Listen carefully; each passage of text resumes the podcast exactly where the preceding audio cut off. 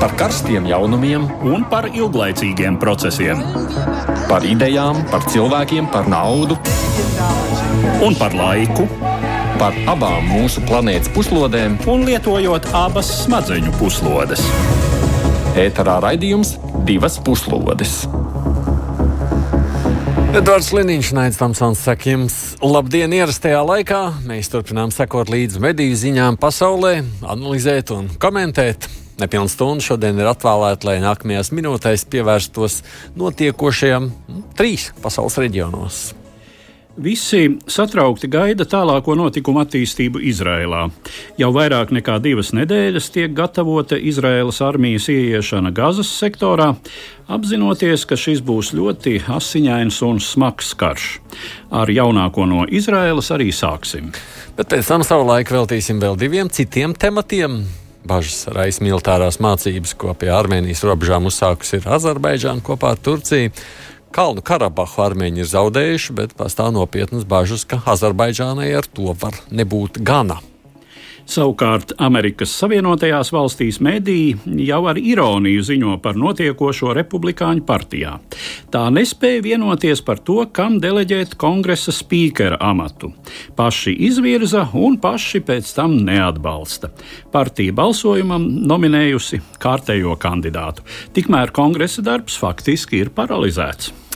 Kopā ar mums studijā notikumus analizēs Nacionālās aizsardzības akadēmijas pasniedzējs Jānis Kapustāns. Labdien jums!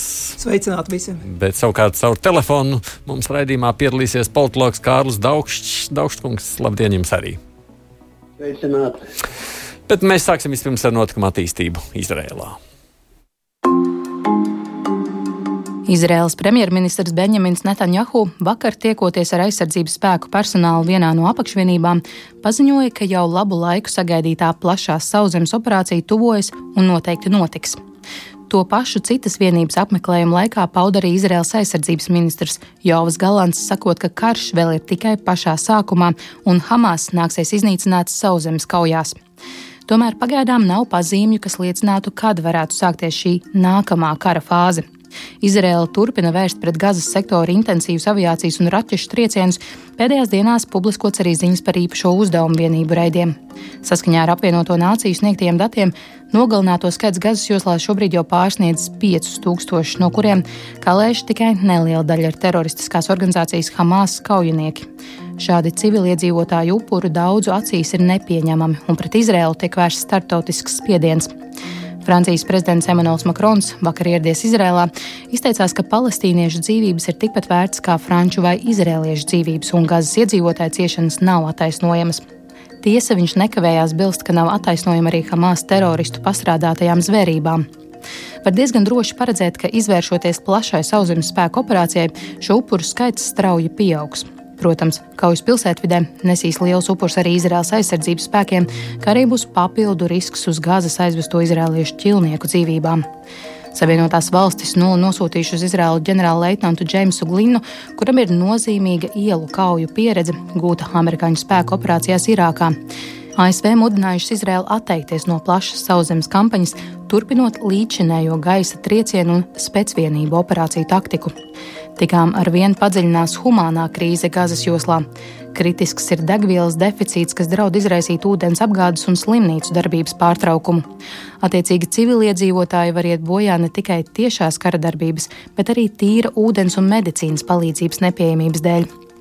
Par spīti agrāk izskanējušiem pieļāvumiem, vakar Izraels aizsardzības spēku pārstāvis admirālis Daniels Hagarī paziņoja, ka Izraela nepieļaus degvielas ieviešanu Gazas joslā, jo Hamas to piesavinoties un izmantojot militāriem mērķiem.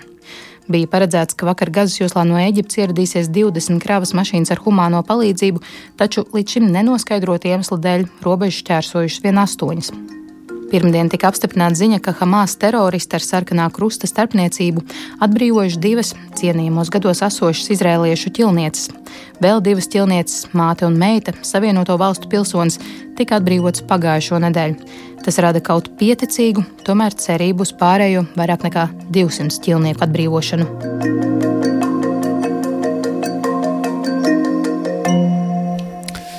Nu, vispirms par to gaidāmo. Kārlis, sāksim varbūt ar jums. Kas tad jūsuprāt ir tās kavēšanās pamatā? Kāpēc Izraela joprojām neiet iekšā gazas sektorā? manuprāt, ka tur ir vairāki apstākļi un apsvērumi.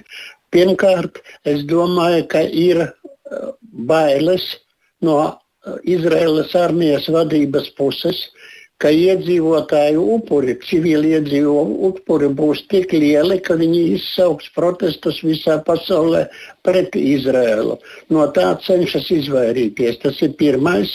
Un otrs, es domāju, ka pašā Izraēlas sabiedrībā demonstrācijas ir starp tiem cilvēkiem, kuru tuvinieki ir gūstā.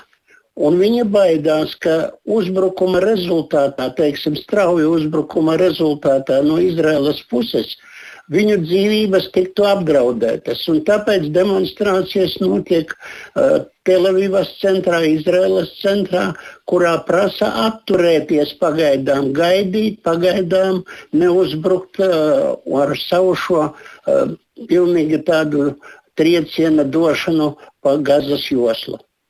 Um, bet nav tā iedot, ka tā kavēšanās tā kā, nu, nenāk par labu pašā sabiedriskā, kaut vai no tādas sabiedriskās domas viedokļa.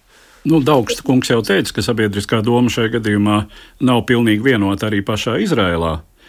Tā kā grūti spriest, nu, ir pilnīgi skaidrs, ka sākot šo sauszemes operāciju, upuri būs, to būs daudz, mm -hmm. un reakcija ir sagaidām. Bez tam, protams, tas var kalpot par motīvu tomēr Irānai aktīvāk iesaistīties. Tas var, eh, tas, protams, ietekmēs sabiedrisko domu arī tajās arābu valstīs, kuras ir salīdzinoši labvēlīgas Izrēlai, eh, kā Saudi-Arābija, eh, nu, teiksim, relatīvi ar Izraēlu labās attiecībās esošā Jordānija. Tur, mm, sevišķi Jordānijā, pie varas esošā, nu, teiksim, Jordānijas karaļnams, nu, viņi nav ļoti droši. Tā, tā vara viņiem, ne, protams, pietiekami stabila, bet uh, plašas sabiedrības neapmierinātības rezultātā uh, viņiem var būt problēmas iekšējas. Līdz ar to nu, visi šie apsvērumi, es domāju, un es tā domāju arī, ka mm, patiešām ir cerība uz ķīlnieku atbrīvošanu.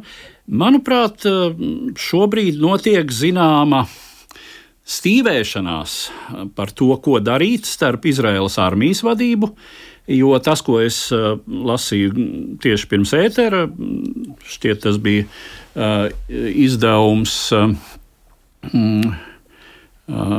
Israel Times, kurš, kur šai materiālā bija teikts, ka armija ir deklarējusi gatavību ka armija ir jau gatava sākt sauszemes operāciju.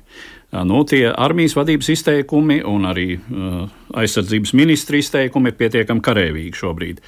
Tajā pat laikā es pieļauju, ka valsts politiskā vadība, vismaz daļa no šīs vadības, nu, joprojām uzskata par labāku nogaidīt, varbūt cerot, ka patiešām nenāksies, nenāksies veikt pilna mēroga šo uh, sauszemes iebrukumu. Bet tā var būt Jānis, ka beig beigās tiešām nemaz nesākas gaidītājs iebrukums. Jā. Izrēlai šajā gadījumā faktiski ir ļoti grūta situācija un diezgan maz izvēles. No tāda viedokļa, ka ir šis prestižs vai atriepšanās politika, no tāda viedokļa viņam vajadzētu īstenot šo sauszemes operāciju, nu, lai riktīgi nu, teiksim, sadot vienreiz un par visām reizēm.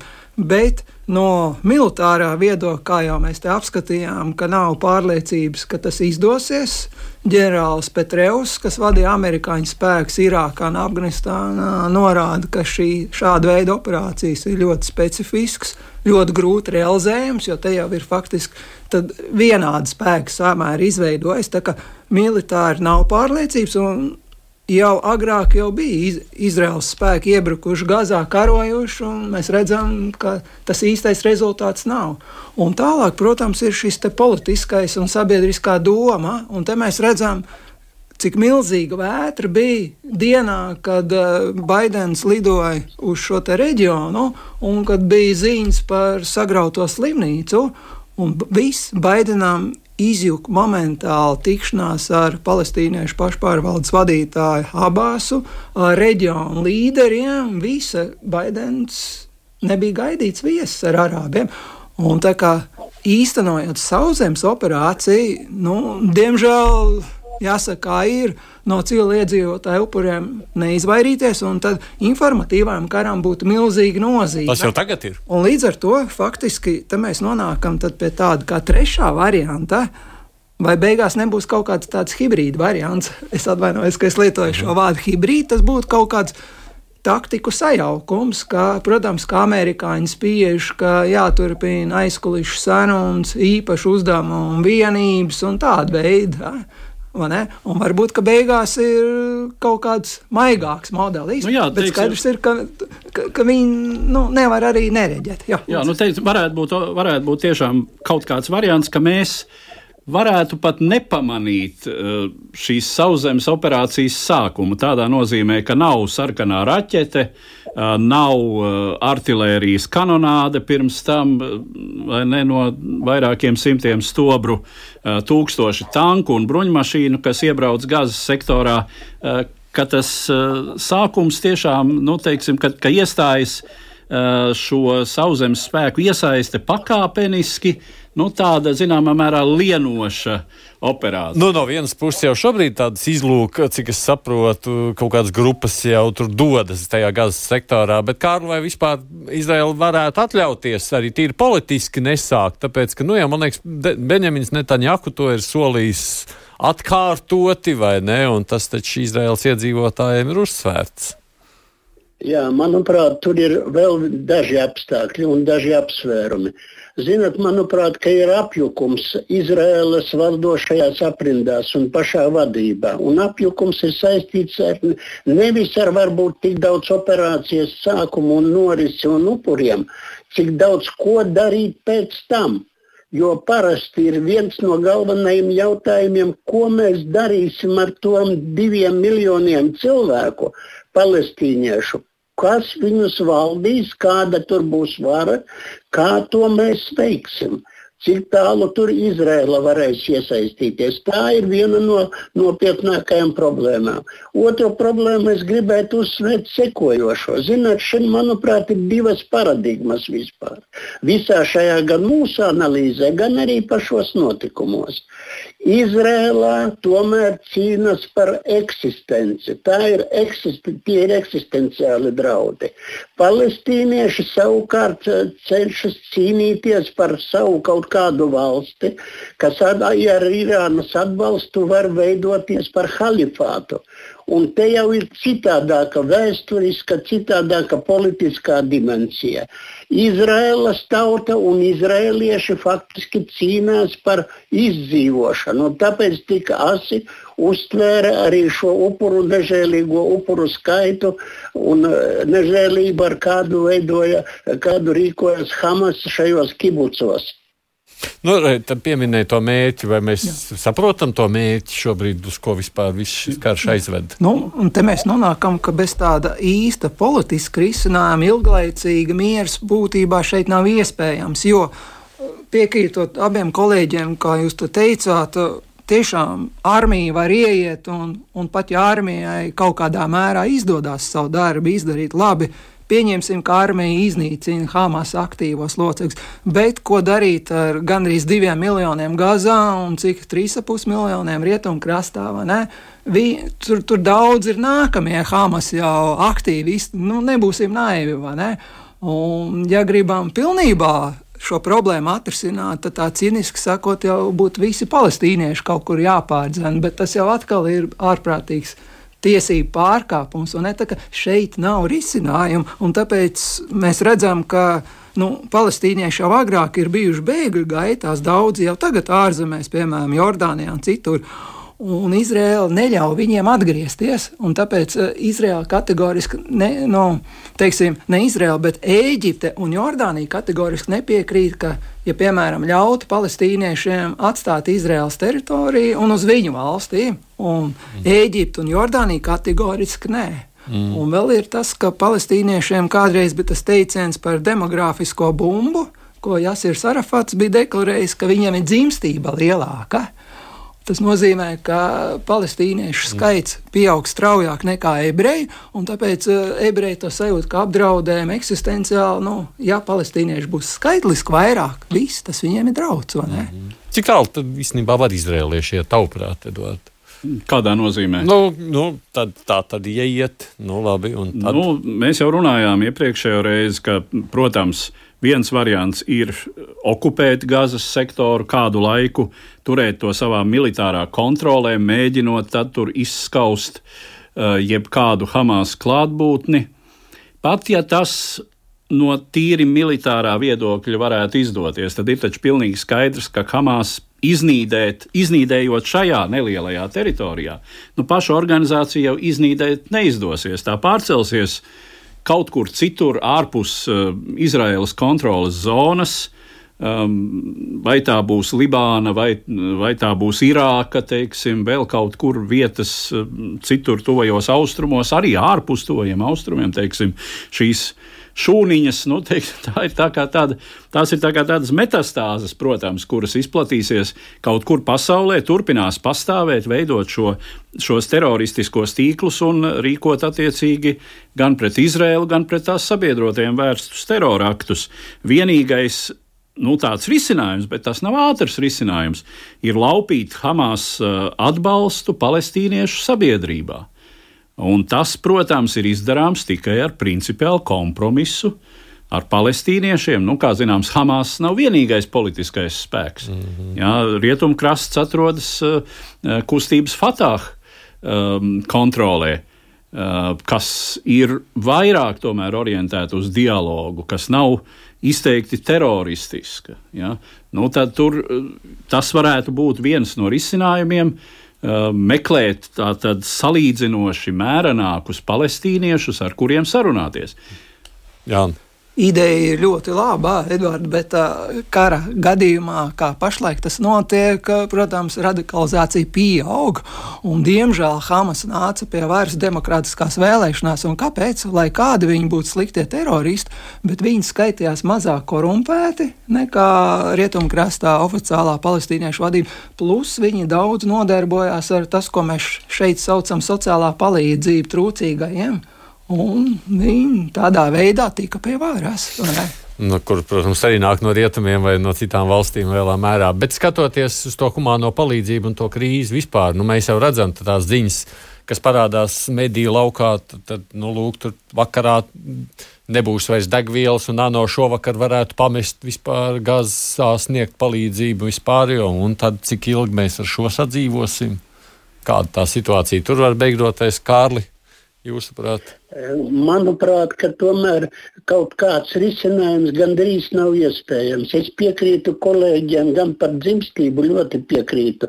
Jo pa, pat labam jau dažās izdevumos uh, skan ziņas par to, ka faktiski Izraela karo ar bērniem. Bērni ir 14, 13 gadus veci, viņu ir ļoti daudz. Uh, Atceraties, 47. gadā, kad, nu, nevis atceraties, atvainojos, 47. 8. gadā, kad runāja par Palestīnas valsti, tur bija 250 tūkstoši iedzīvotāji. Tagad tur ir 2,5 miljoni iedzīvotāju. Un tie ir jauni cilvēki, tie ir jaunieši, tiem, Tie ir pusauģi pēc būtības, kuri ir ļoti nežēlīgi. Cerības man ir vienīgi uz reliģisko mo, tādu momentu. Pirmkārt, Irāna tomēr ir šīte, palestīnieši ir sunīti. Un šeit šī tāda šķelšanās, tāda, tā sakot, nedaudz uh, kas iet reliģiskajā plāksnē. Varbūt varētu kaut kādā veidā tikt izmantota no rietumu spēcdienestu puses vai no arī no citu dienestu puses, lai šeit veidotu kaut kādā mērā, tā sakot, sadarbības tādu um, elementu, vismaz kaut kādu elementu, kas novirzītu no šī terorisma šo jauniešu uh, baru. un kas arī iesaistītu, varbūt iesaistītu savus šī uh, interneta civilizācija, kura no vienas puses ir ļoti bīstama, tai pašā laikā viņa varbūt arī varētu dot šai jaunatnei kaut kādu jaunu uh, darbības uh, modeli, darbības virzienu, cerību virzienu. Tāpēc šeit ir pilnīgi piekrītot, ka pat labam kaut kāda tāda, ziniet, strikta risinājuma, nu, diemžēl neviens arī to nevar uh, redzēt pat labam. Mm -hmm. Bet beigās es tomēr vēl pie tā, nu, pašreizējā aktuālā, es pieminēju to humāno saspringto situāciju Gazā, lai neteiktu maigi sakot, nu un tālāk, kas būs beig beigās, atļaus to degvielu kaut vai ievest, vai kaut ko darīt lietas labā, ja tur viss apstājās. Nu, man prognoze ir, ka ātrāk vai vēlāk jau kaut kādu palīdzību tomēr atļaus, jo ir milzīgs spiediens. Jautājums ir, cik lielā mērā un vai tas daudz to situāciju uzlabos. Jo uh, vairāk vai mazāk blokādē jau gazas sektors visu laiku atrodas būtībā. būtībā un tāpēc arī tiem pieminētiem jauniešiem jau cerība nekādu nav uz nākotni. Vi, viņiem ir depresija un galvā tikai radikāls domas un domas, ka pie visu ir Izraela vainīga. Jā, no vārda daudz ko nevar izdarīt, vai ne? Nu, kas attiecas uz ķīlniekiem, ir cerības tiešām tur vēl kādus atbrīvot. Nu, četri šobrīd ir tikuši vaļā. Nu, es domāju, ka cerības ir. Mēs, protams, neko nevaram spriest par to, kādi ir šie sarunu procesi, kas tur ir iesaistīts. Es lasīju, ka Katara ir viena no tām valstīm, kas ir vidutājs, jo tieši saruna, protams, nav par ķīlnieku atbrīvošanu.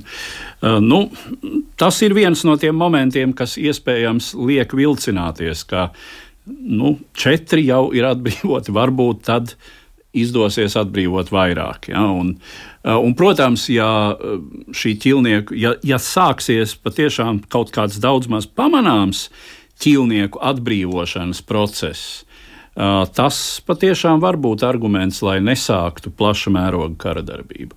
Bet vai tas būs, vai tas notiks, nu, es pat neņemos prognozēt, kāda ir tā, mm, kāda ir tā varbūtība. Es gan saprotu, ka paši militārie uh, vadoņi savukārt par to būtu noraizējušies, sakot, nu, ka tas politiskais var izjaukt beig beigās viņu redzējumu. Nu, ņemsim vērā, ka tie ir tuvējie vai vidējie austrumi, un tur tas ir normāla tradīcija kaulēties, tirgoties, un tā skaitā arī par ķīlniekiem. Normāla praksa tur. Jā.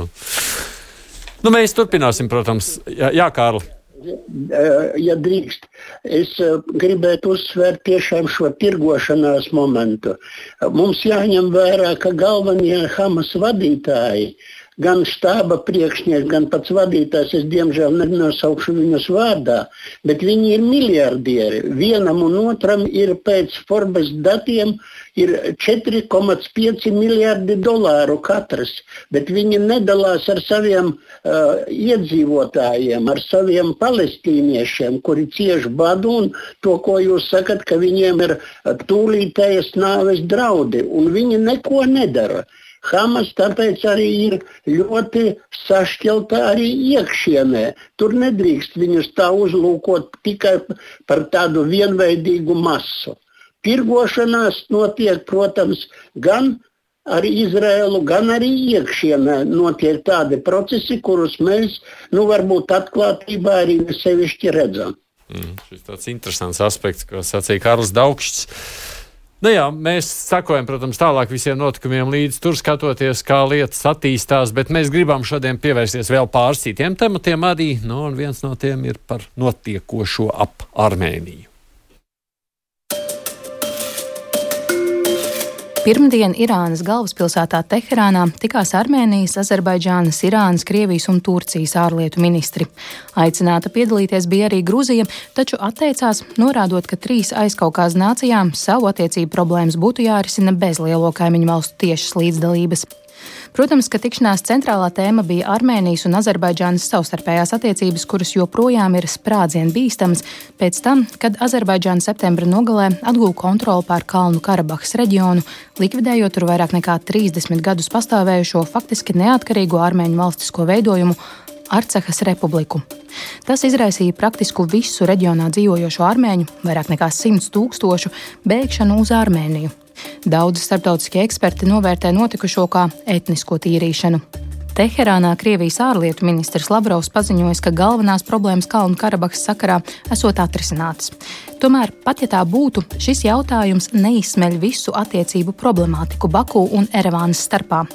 Abu valstu robežu tūmā ir vairāki eksklāvi, kuri atrodas pretējās puses kontrolē. Vēl daudz nozīmīgāks iemesls potenciālajam konfliktam ir Azerbaidžānas Nahičevanas rajons, kuru no valsts pamatteritorijas šķir apmēram 40 km plata Armēnijas teritorijas josla. Azerbaidžāna pieprasa šeit izveidot Armēnijas nekontrolētu transporta koridoru, kas tad izveidotu tiešu transporta artēriju arī ar Turciju, kur robežojas ar šo reģionu. Arī Krievija šķiet ieinteresēta šādā koridorā, kas varētu būt viens no kanāliem sankciju apiešanai. Taču ar to Azerbaidžānas ekspansionistiskie motīvi neaprobežojas. Pēdējos gados, tā skaitā no režīma līdera Ilhama Alijeva mutes, izskan pastāvīgi apgalvojumi, ka pati Armēnijas teritorija vēsturiski esot Azerbaidžānu zeme. Pamatojoties uz faktu, ka līdz 18. gadsimta beigām armēņi pašreizējā Armēnijas teritorijā patiešām bija minoritāte, tiek izvērsta koncepcija par Armēniju kā tā saucamo Rietumu Azerbaidžānu, potenciālu Baku ekspansijas objektu. Uz šī fona papildu nervozitāti rada šobrīd notiekošās militārās mācības ar Azerbaidžānas un Turcijas spēku piedalīšanos, kas aptver Nahičevanu, Kalnu Karabahu un vairākus citus rajonus Armēnijas robežas tuvumā. Divas puslodes! Atgādini, bez mums ar Eduardu raidījumā piedalās arī politologs Kārls Daugšs un Nacionālās aizsardzības akadēmijas pasniedzējs Jānis Kapustāns. Kāds ir nu, kaut vai šo pašu pieminēto mācību mērķis, Jānis, jūsuprāt? Nu, mācību oficiālais mērķis, protams, vienmēr ir sagatavot uh, armijas vienības dažādu uzdevumu veikšanai, izmēģināt jaunāko tehniku, trenēt karavīrus, un tad, ja ir vajadzība, tad tālāk mēs varam likt lietā. Tā kā no tāda viedokļa, ja notiek militāras mācības, nu, tad tas var kalpot par uztraukumu kaimiņu valstī. Tas, protams, nenozīmē, ka simtprocentīgi tūlīt sekos kara darbība, bet, diemžēl, šādās mācībās var saturnēties, īstenot iespējamo nākotnes kara darbību, un armēņiem ir liels pamats satraukties. Parasti jau militārās mācības ir ar kādu scenāriju, un kaimiņu valsts salaž diezgan uzmanīgi seko, kādi ir šie scenāriji. Tāpat mēs ļoti sekojam teiksim, Jā, Krievijas. Krievijas un Baltkrievijas mācībām ar nosaukumu Rietumi, Zapad. Tāpat seko Zviedrija, Somija un starp citu. Pirmo reizi Zviedrijā nopietni par pievienošanos NATO sāk runāt tad, kad šajās mācībās pirms eh, kādiem pieciem vai sešiem gadiem izspēlēja scenāriju ar taktiskā kodola ieroča triecienu pa Zviedriju. Mm. Kārlis, jūs šobrīd vairs neredzat, protams, bet, ja runājam savukārt par nu, to situāciju, kāda veidojās šobrīd, cik jūsuprāt nopietni Azerbaidžānā nezinu, tiek apsvērts, varbūt ir jau nolemts nograust arī Armēnijai kādu daļu tās? Ziniet, es domāju, ka tur ir uh, Azerbaidžānas pusē Alijevs jau ir paziņojis. Pirmkārt, viņš uzskata, ka Erevāna tā ir tipiska Azerbaidžāņu pilsēta. Ezers, Se, Sevana ezers arī pieder Azerbaidžānai. Un galvenais viņa mērķis, ko viņš arī publiski ir pateicis visos savos, eh, te, eh, teiksim, visās savās uzstāšanās reizēs, ka viņš pieprasa tā saucamo Zangezūras uh, koridoru, kas savienotu uh, Azerbaidžānu ar Nahičevaņas uh, to autonomo apgabalu un kas veidotu, tā sakot, dzelzceļa sakarus ar šo teritoriju. Tāpēc arī es domāju, ka Armēniju gaida grūti laiki. Tas, ka bija jāuzņem absolūti 100 tūkstoši bēgļu no Kalnu Karabahas, tas ir milzīgs trieciens uh, armēņu ekonomikai. Un, protams, ka šeit vēl arī Krievijas destruktīvā loma attiecībās ar Armēniju. Jo tomēr Pašiņānam, kuru tā neieredz pats Puķins, Uh, tomēr ir sava, savā veidā taisnība, ka Krievija viņus ir atstājusi un nodibinājusi daudz ciešākas attiecības ar uh, Azerbaidžānu un tās vadoni Alijevu. Tur ir vairākas tā sakot konspiroloģiskās teorijas, kuras es negribētu izklāstīt, bet Azerbaidžāna pat labam, manuprāt, spēlē tajās Kremļa spēlēs daudz lielāku, iegūst daudz lielāku vērtību nekā Armēnija. Bet nu, jūs domājat, ka karam būs turpinājums un mēģinājums šo koridoru izveidot? Es domāju, ka vispār armēņus um, mēģinās sakot, izspiest no visām iespējamām teritorijām. Ja, protams, visa pārējā pasaule, ieskaitot Amerikas Savienotās valstis, Eiropas valstis, nepielietos nu, teiksim, tādus radikālus mērus. Jo šeit arī Eiropa šaubās pat, pat labi, tā nav tā nav tā sakot, ieņēmusi pilnīgi drošu pozīciju, jo ar Azerbaidžānu, Armēņu ar, tas ir Eiropa saista ekonomiskās intereses. Mm, ļoti pesimistisks skats, ko pārējie kolēģi saka. Jā, ja mēs jā. paskatāmies uz reģionā blakus esošajām reģionu lielvalstīm, tad Turcija atbalsta Azerbaidžānu nu, varbūt neoficiāli, ka tūlīt ir jāiekaro Armēnijas teritorija, bet vismaz, lai tiktu atjaunots transporta savienojums, tas ir autoceļš un dzelzceļš, kas vismaz oficiāli tika apsolīts pēc 2000. gada pamieru. Tātad šos ceļus, bet kas netika īstenot no Armēnijas puses. Protams, arī Azerbaidžāna eh, neatļauj koridoru uz Kalnu Karabahu. Abas puses šeit to neizdarīja. Un tātad Krievija arī atbalsta šādu transporta savienojumu, un savukārt, kas ir pret, tā, protams, ir pat Armēnija un Irāna. Un tālāk, ja mēs skatāmies uz amerikāņiem un Eiropas Savienību, nu, šie spēlētāji tomēr ir ļoti tālu no šī reģiona, un es neredzu lielas ietekmes sviras viņiem. Tad iznākt, ja viņi gribētu tagad vairāk atbalstīt Armēniju, tad viņi kopā ar Irānu sajiet vienā pusē. Nu tā, tā kā faktiski tiešām piekrītot Daugškungam, Armēnija iespējams gaida grūti laiki, nu, jāskatās vai nē. Bet es domāju, ka šeit tik viegli nevarētu, te, nu, ja notikt militārs iebrukums, ka šeit tik viegli nevarētu tās lietas notikt kā Kalnu Karabahā, jo šeit jau armēņi sajust savu eksistenciālu apdraudējumu, nu, tā kā mēs iepriekš runājām par ebrejiem Izrēlā un te vismaz vajadzētu būt jau daudz nopietnākai pretestībai. Jā, Kalnu-Karabahā gadījumā tas bija tā, ka Azerbaidžāna atgūst savu teritoriju. Jā, ne, no starptautisko tiesību viedokļa. Jā. jā, šeit jau tas tā nebūtu. Vairs. Šeit, šeit būtu iebrukums. Būt, jā, šeit tā būtu ļoti konkrēta agresija, ne ar ko īpaši neattaisnojama, jo tas, ka tev ir uh, problēmas ar uh, vienu uh, savas teritorijas daļu, kas ir nošķirta, nu, mm, to var risināt dažādi citādi. Ļoti līdzīgi kā Krievija Kaļiņģerāda, piemēram. Es tieši to pašu iedomājos. Jā, tieši tā. Jā, jā. Tieši tā. Uh, bet uh, skaidrs, ka tas patiešām būtu eksistenciāls drauds uh, armēņiem. Pašreizējā Armēnijas teritorija, kā mēs to daudz, es domāju, zinām, ir maza daļa no kādreizējām zemēm, kuras apdzīvoja armēņu tauta tojos austrumos. Uh, un, uh, nu, kaut vai tas fakts ir zīmīgs, ka mm, armēņu pasaulē nu, tur ir dažādi dati, jo, protams, kā jau diasporā ir cilvēki, kas uh, ļoti apzinās savas saknes, kas tās ir saglabājuši. Ir tādi, kas vairs īsti nē, bet nu, tiek lēsts, ka apmēram 10 miljoni cilvēku pasaulē ir identificējami kā armēņi.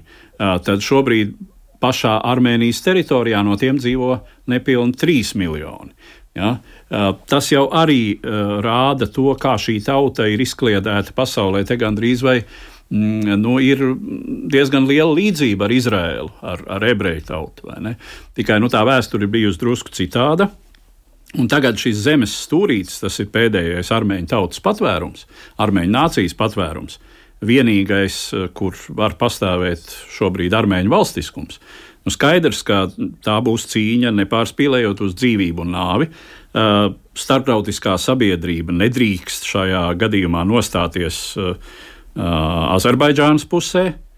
Arī precedenta dēļ. Faktiski tas nozīmē apgāzt visu starptautisko attiecību kārtību, kāda tā ir būvēta kopš otrā pasaules kara. Mēs esam atpakaļ tajā pašā situācijā, kad, ja tas notiktu, kad diktatori uh, graiza pasaules karti, kā tiem patīk. Bet, nu, redz, Krievija dara un viss notiek.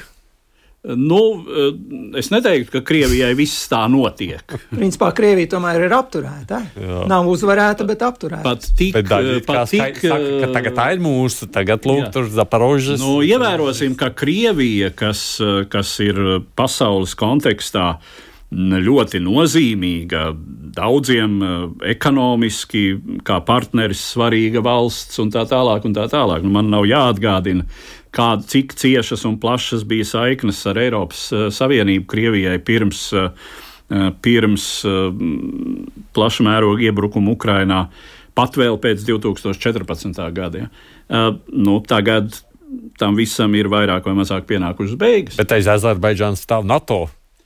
Turcija. Nu, jā, tas ir, tas ir tas interesantais moments. Tas varbūt arī ir tas, eh, tā varbūt ir tā svira, eh, caur kuru eh, vienīgo Eiropa var, Eiropa un Savienotās valstis var mēģināt ietekmēt Azerbaidžānu, tātad caur Turciju, kā NATO dalību valsti, uz kuru tomēr attiecas zināmi noteikumi. Nu,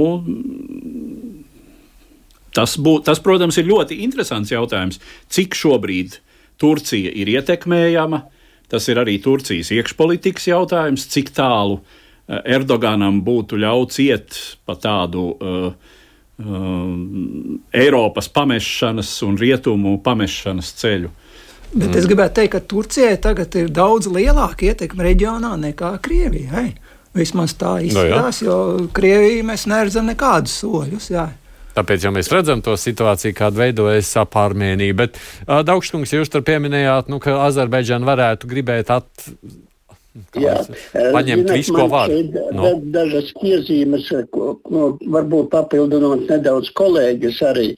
No vienas puses Krievija, protams, retorikā ļoti spēcīgi izmanto PSRS atjaunošanas nepieciešamību, jo lūk, toreiz dzīvojuši mierā. Tas ir viens. Bet no tā otras puses, tur tā ceļā, Zangazūras ceļā, tie 42 km, tur ir tāda pilsētiņa Šunika. Šī Šunikā padomi laikos bija milzīga lidosta, kara lidosta. Un Pašiņants vienā no savām sarunām mēģināja diplomātiski nu, pateikt Krievijai, ka ņemiet šo lidostu no jauna, izveidojiet savu kara bāzi. Tādējādi jūs mūs noseksiet no Azerbaidžānas tieša uzbrukuma. Un, protams, ka Putins to neizdarīja. Kas attiecas uz Erdogānu, tad mums ir jāatceras divas lietas vispār. Abi divi diktatori, gan Putins, gan Erdogans, pēc būtības ir brāļi, pēc sava rakstura. Viens grib atjaunot PSRS, otrs grib atjaunot un, vai izveidot Turan. Tas ir Turcijas apvienoto valodas, eh, reliģijas un vispār vadības teritoriju. Un tāpēc arī viņi ir revanšisti pēc būtības. Un katrs re, lielvalsts revanšists, viņš nerēķinās ar mazo tautu likteņiem un mazo, vai arī nu, no, nosacīti mazo armēņi, nekādi mazie, mazā tauta nav. Tā ir liela kultūras un civilizēta tauta. Tāpēc es eh, uzskatu, ka šeit vispār šī problēma ap Armēniju ir daudz nopietnāka un daudz ietekmīgāka eh, uz tālāko pasaules kārtību, nekā mēs eh, pat labam nu, sakot, varam, varam saprast un izanalizēt, balstoties tikai uz esošajiem faktiem. Bet, ja jūs sakcīt, pieņemsim, un ja tiešām Azerbaidžāna uzsāk kāru, nu, tad tas ir karš numurs trīs būtībā. Vai ne tāds liels karš, kas ir pēdējā laikā sācies? Ziniet, man tomēr ir aizdomas, ka tur ir cerības kaut kādas. Tikko bija Patruševs, Patruševs skaidrs, ka viņš ir Krievijas viens no vadoņiem, tā sakot. Viņš bija tikties ar uh, Alijevu. Viņš bija Baku. Un, ziniet, man ir aizdomas mazliet citādākas, ka tomēr Krievija caur tā sakot, ietekmi uz Azerbaidžānu, veidot iekšēji Armēnijā prokrievisku kustību, kas pieprasītu atgriezties atpakaļ Padomju Savienībā. Es saprotu, ka tā ir tāda spekulācija, bet mani neatstāja tomēr tāda doma, ka šeit Krievija gribētu sakot, saglabāt savu sakot, lemjošo roku, lemjošo varu. Un eh, šeit mēģina izdarīt dažādus gājienus, kuri varbūt nav tik acīm redzami, bet viņi notiek, tā sakot, zem deķa. Es pat teiktu tā. Mm -hmm.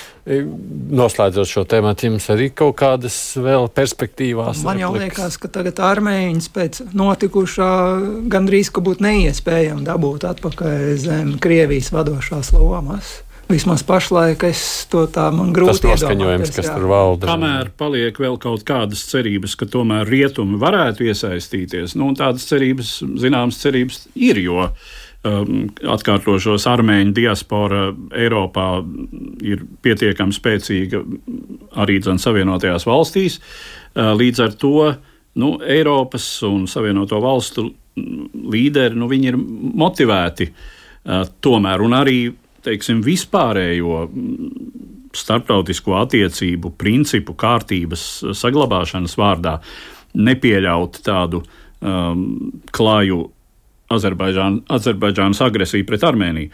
Nu, kamēr šīs cerības vēl pastāv, nu, tad jā, tā padarīt Armēniju par kādu instrumentu Padomju Savienības atjaunošanai un, uh, Um, vai, vai pat atgriezt tās attiecības tādā līmenī, kādas tās bija pirms uh, šī um, Karabahas um, atgūšanas, pārņemšanas, sauciet kā gribat, šī cikla. Uh, nu, Krievijai īsti droši vien nav cerība. Mm. Un bez Ukrainas jau nekāda padomu savienība neizdodas. Nu, es pieminēju Amerikas Savienotās valsts. Mums ir dažas minūtes vēl jāatvēl politiskajām kaislībām tur. Kā zināms, 3. oktobrī Savienoto valstu kongresmeņi pirmo reizi valsts vēsturē ar balsojumu atbrīvoja no amata līdzinējo kongresa pārstāvju palātas spīkeri republikānu Kevinu Makārtiju.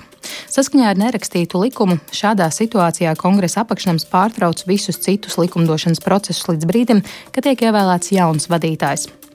Kandidātus izvirza katras partijas frakcija, taču izšķirošā, protams, ir vairākuma frakcijas, šajā gadījumā republikāņu izvēle un republikāņiem, kuru frakcijas daļa vienojās ar mazākumā esošiem demokrātiem kārtai atlaišanai, ar jaunu nominantu izraudzīšanu līdz šim gājis kā pa celmiem. 11. oktobrī ar nelielu pārsvaru frakcija vienojās izvirzīt kongresmeni no Luizijānas Stīvu Skelīsu, taču drīz pēc frakcijas balsojuma vairāki republikāņu deputāti paziņoja, ka tomēr par viņu nebalsos, un balsojums kongresā tika atlikts. 13. oktobrī tika izvirzīts nākamais pretendents - Skalīsa konkurence iepriekšējā kārtā Ohio pārstāvis Jims Jordans. Tomēr nākamajās dienās atbalsts frakcijā viņam sākas sarukt līdz 20. oktobrī. Kongresa republikāņi atmet arī šo kandidatūru. Var pieminēt, ka nozīmīgākais jautājums izvirzīšanai bija kandidāta attieksme pret atbalstu Ukrainai un Izrēlai. Pirmdien republikāņu frakcija pulcējās aiz slēgtām durvīm trešajai nominācijas tūrē, kurā tika balsots par septiņiem kandidātiem, pēc katras kārtas atmetot vismazāk balsu saņēmušo. Par uzvarētāju šai sacīkstēs kļuva kongresmenis no Minnesotas - Tomas Erls Emers. Taču te procesā iesaistījās pats Donalds Trumps, paziņodams, ka viņam Emers šķietot pārāk kreis un nominants atsauca savu kandidatūru. Tad nu vakar iepriekšējais balsošanas mehānisms tika iedarbināts vēlreiz, šoreiz ar pieciem kandidātiem, no kuriem viens atsauca kandidatūru, trīs tika izbalsoti, bet par favorītu kļuva 51 gadu vecais Luisāns pārstāvis, bijušais radiožurnālists Maiks Džonsons. Paredzēts, ka balsojums par viņa kandidatūru kongresa pārstāvju palātā notiks šodien, ja vien kaut kas atkal negadīsies. Kas ir Edvards, šīs drāmas pamatā viņiem? Um, drāmas pamatā, kā par to raksta arī Savienoto Valstu prese, ir tas, ka Republikāņu partija lielā mērā ir uh, savas identitātes meklējumos, ka ir ļoti pamanāma šī plaisa partijas iekšienē starp Trumpa nepārprotamiem atbalstītājiem un to partijas daļu, kas, teiksim, nu, kas ir vecie republikāņi, šie uh, ierastās kārtības un, un nu, teiksim, principu Mm, atbalstītāji un piekritēji, kuriem viss, ko, ko ir darījis Trumps, tomēr nav pieņemams. Nu, sevišķi jau, protams, tas, kas notika mm, zināmajā 6. janvārī, un, un viss pārējais, par ko uh, Trumpam nāksies stāties tiesas priekšā. Mm, un uh, tā ir šī, teiksim, uh, um, galvenā problēma, ka šī partija iekšēji nevar vienoties. Šis ir tikai simptoms. Un tad tie kandidāti, kurus virzīja, tad vieni pa daudz pretrumpiski, otrs pa daudz protrumpiski. Dažos gadījumos jā. Dažos gadījumos tieši tā tas arī bija. Jā. Daugstkungs, kā jūs redzat, kas tur notiek? Haoss kā visā pārējā pasaulē, kā teica mūsu prezidents. Bet tai pašā laikā es gribētu atzīmēt vienu momentu. Republikāņi līdz šim Viņi klaigāja, kas tā tāda Ukraina, kur tā atrodas un kāpēc tā ir vajadzīga. Un pēkšņi viņos pēc tam, kad notikumi Izrēlā 7. notika, pēkšņi pašā kongresmeņu partijā, eh, tas ir republikāņu partijā, notika šķelšanās. Un šī šķelšanās viņa saistīta ar to, ka Izrēla un, tātad, un visa šī uh, situācija ap Izrēlu kļuva draudoša. Uh, Un tāpēc arī republikāņi pēkšņi sāka domāt arī par Ukrainu kopā. Un tāpēc arī republikāņos pat labam šī šķelšanās ir diezgan tālu aizgājusi, jo Trumps ir kategoriski vienlaicīgi it kā sevi devējot par Izrēlas aizstāvi, jo viņa znots Kušners bija viens no tiem radītājiem, Izrēlas politikas radītājiem. Tā pašā laikā pat labam Ukraina kļūst par republikāņu partijas vienu no centrālajiem punktiem un analīzes veidiem. Hm, interesanti. Jā, kā jūs redzat to visu? Jā, nu tā problēma ir, ka faktiski gan demokrātiem, gan republikāņiem tās balsu skaits ir, nu, tās atšķirības ir salīdzinoši nelielas. Un, lai panāktu ievēlēšanu republikāņiem, kam tomēr ir neliels pārsvars, nu viņiem gandrīz vai visiem simtprocentīgi no nu jā. jānobalso. Bet, ja viņi savā starpā nevar vienoties, kāpēc lai demokrāti atbalstītu, te sākās pašmāju politika, politiskās spēles, Bet eh, no otras puses, lielai valsts, liels valsts reputācijai, kas grib būt līderi pasaules politikā, nu, tas īsti godu nedara. Un tas tīri praktiski jau sāk arī bremzēt un kavēt nu, dažādas finanšu palīdzības programmas gan Izrēlai, gan Ukrainai. Nu, tā šī ir tāds sāpīgs moments. Tas strādājot kongresā, nav tāda tā demokrātijas neizbēgama sastāvdaļa jāpieņem lielai valstī, ja tā vēlas būt līderis, nu, tad nedrīkstētu būt ilgstoši šādas lietas, bet arī diezgan jau ilgstoši ievilcies. Protams, mēs nezinām, cik ilgi tas vilksies, un mums nav pārliecības, kad. Nu, kad tomēr spējas ievēlēt, nu, kaut kad jau jā, jāspēj ievēlēt. Nu, varbūt šodien ievēlēs, saprot. Tad... Jā, nu, cerības ir.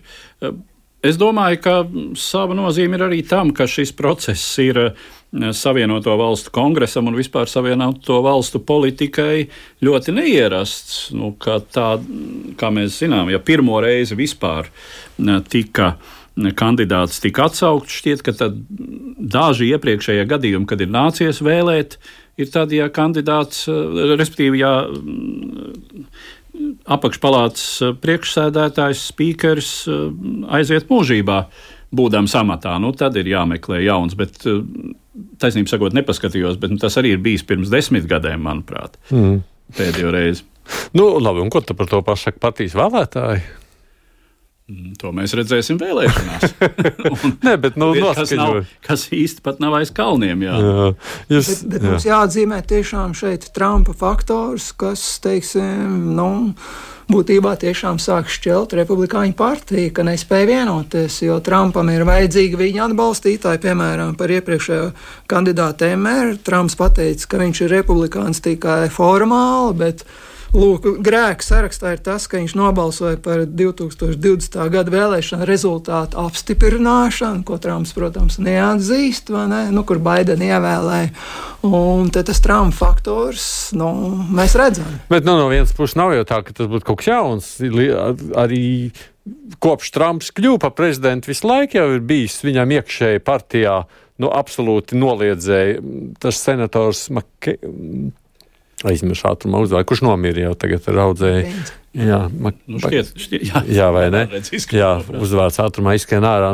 Tas bija ļoti nu, tāds nepārprotams Bet līdz tam viņam Trumpam. opozīcija bija ļoti neliela, bet tagad šī sadalīšanās ir tāda nu, lielāka mēroga. Mēs varam mm -hmm. saskatīt, un arī Trumps nespēja mobilizēt, lai būtu simtprocentīgi viņa kandidātiem atbalsts. Jā, un kā jebkurai lielai eh, un eh, tik iesakņotai partijai, nu, tā ir milzīga problēma, ja tajā parādās šķelšanās draudi. Mēs esam pieraduši, ka mūsu partijas nāk un apvienojas kā mēbas laiku pa laikam, un, un tad vienojas atkal un kaut kādās eh, tā sacīt, vēži pārceļo no vienas kulītes citā. Eh, bet eh, nu, tur tā patiešām ir ļoti nozīmīga problēma. Daugstkungs, nav tā, ka nu, tāda būs prezidenta vēlēšanas, jebkurā gadījumā tās varētu vienot atkal partiju manuprāt, ka pat labam visa pasaule ir uztraukusies par tiem iekšējiem notikumiem, kuri ir Amerikas Savienotajās valstīs. Pēc manām domām, neskatoties uz partiju, demokrātu un republikāņu savstarpējām attiecībām, ir, sašķēlusies ir pati amerikāņu tauta. Un tas ir bīstamākais, ko, kas var tikai notikt mūsu gadsimtā. Amerikāņi pēkšņi ir zaudējuši savu vienotību. Starp viņiem ir parādījušies dažādi strāvojumi, kuri viens otru neieredz, kurš viens otru negrib atzīt. Un šī politiskā tāda cīņa, kura notiek starp partijām, tā tikai parāda, cik tālu ir tomēr iegājis šis šķelšanās process, process pašā amerikāņu tautā. Jā, pa, pabeidzot pavisam mazliet vairāk par minūti, mums ir atlikusi. Nu, jūsuprāt, Jāni, tad prezidenta vēlēšanas kas nāk par labu republikāņu partijai, ka Trumps vinnē prezidenta vēlēšanās vai ka viņš zaudē? Es domāju, atbilde būtu tīra no mūsu politiskās pārliecības tādā ziņā. Bet runājot vēl par šo šķelšanos, nu, arī Izrēlā viņi bija pamatīgi sašķēlušies līdz 7. oktobrim, un tad briesmu priekšā uzreiz viņi ir spiest atkal apvienot. Nu, briesmas, jā, nu, labi, cerams, tādas briesmas Amerikai nedraud šajā brīdī. Edvards, tavuprāt, kas būtu ieguvējis šobrīd republikāņu iegūtu no Trumpa uzvaras vai no Trumpa zaudējumu? Nu, īstermiņā droši vien iegūtu no, eh, iegūtu no uzvaras, eh, bet eh, nu, pat teiksim, kaut kādā salīdzinoši vidējā termiņā, ievērojot tās tiesvedības, kas, ar, kas Trumpam stāv priekšā, mm, nu, dabūt prezidentu, kurš, kuram bez mazliet, teiksim, ir teorētiski iespēja vismaz vadīt valsti no cietuma kameras. to, to nu es nenovēlētu. Viņiem pat republikāņu partijai. partijai. Paldies jums par piedalīšanos. Politologs Kārlis Daugšs, paldies par sarunu, Kārli. Jums telefoniski. Jā. Nacionālās aizsardzības akadēmijas pasniedzējs Jānis Kapstāns bija šeit studijā. Paldies, Jāni. Uh, nu, kā jau parasti šeit ir ar ekspertīzi Edvards Liniņš, bet Edvards, es saprotu, tev būs mazliet ko pateikt arī par vēl vienu raidījumu, kas tev tūlīt Jā, būs. Par rītdienas raidījumu, kā ierasts mēneša pēdējā ceturtdienā pēc pulksten trījiem, mēs mēģinām rast atbildi uz jautājumu, kas būs ar Krieviju aplūkojot mūsu kaimiņu valsts iespējamos tālākās attīstības scenārijus. Šoreiz mans sarunbiedrs būs Vidzemes augstskolas prorektors, politologs Māris Anģāns. Mm, tad, tad tas ir Latvijas radio ēterā šajā pašā laikā tikai rīt. Jā, Latvijas raidījā viens ētrā, tā kā iespēja klausīties arī jums šo raidījumu. Nu, atgādinu, mūsu producents ir Ieva Zēza, man sauc Aidis Tomsons, bet runājot par mūsu raidījumiem, nu, tā tad ir jau iespējas klausīties ne tikai tiešraidē, izmantojiet iespēju gan abonēt raidierakstos, jeb podkāstos, nu, kā jums labāk patīk to saukt. Iespējams, protams, mūs ir klausīties Latvijas radio aplikācijā. Tur tas raidījums arī noklausāms jums ērtā laikā. Protams, internetā mūsu mājaslapā, no, atrodot gan raidījumu, gan arī vispār programmu arhīvu, jebkur raidījumu jums ērtā laikā ir iespējas dzirdēt, tā kā izmantojiet tie. Mēs tiekamies atkal nākamajā nedēļā, sakojam līdzi notikumiem. Pasaulē ir daudz par ko runāt. Divas puslodes!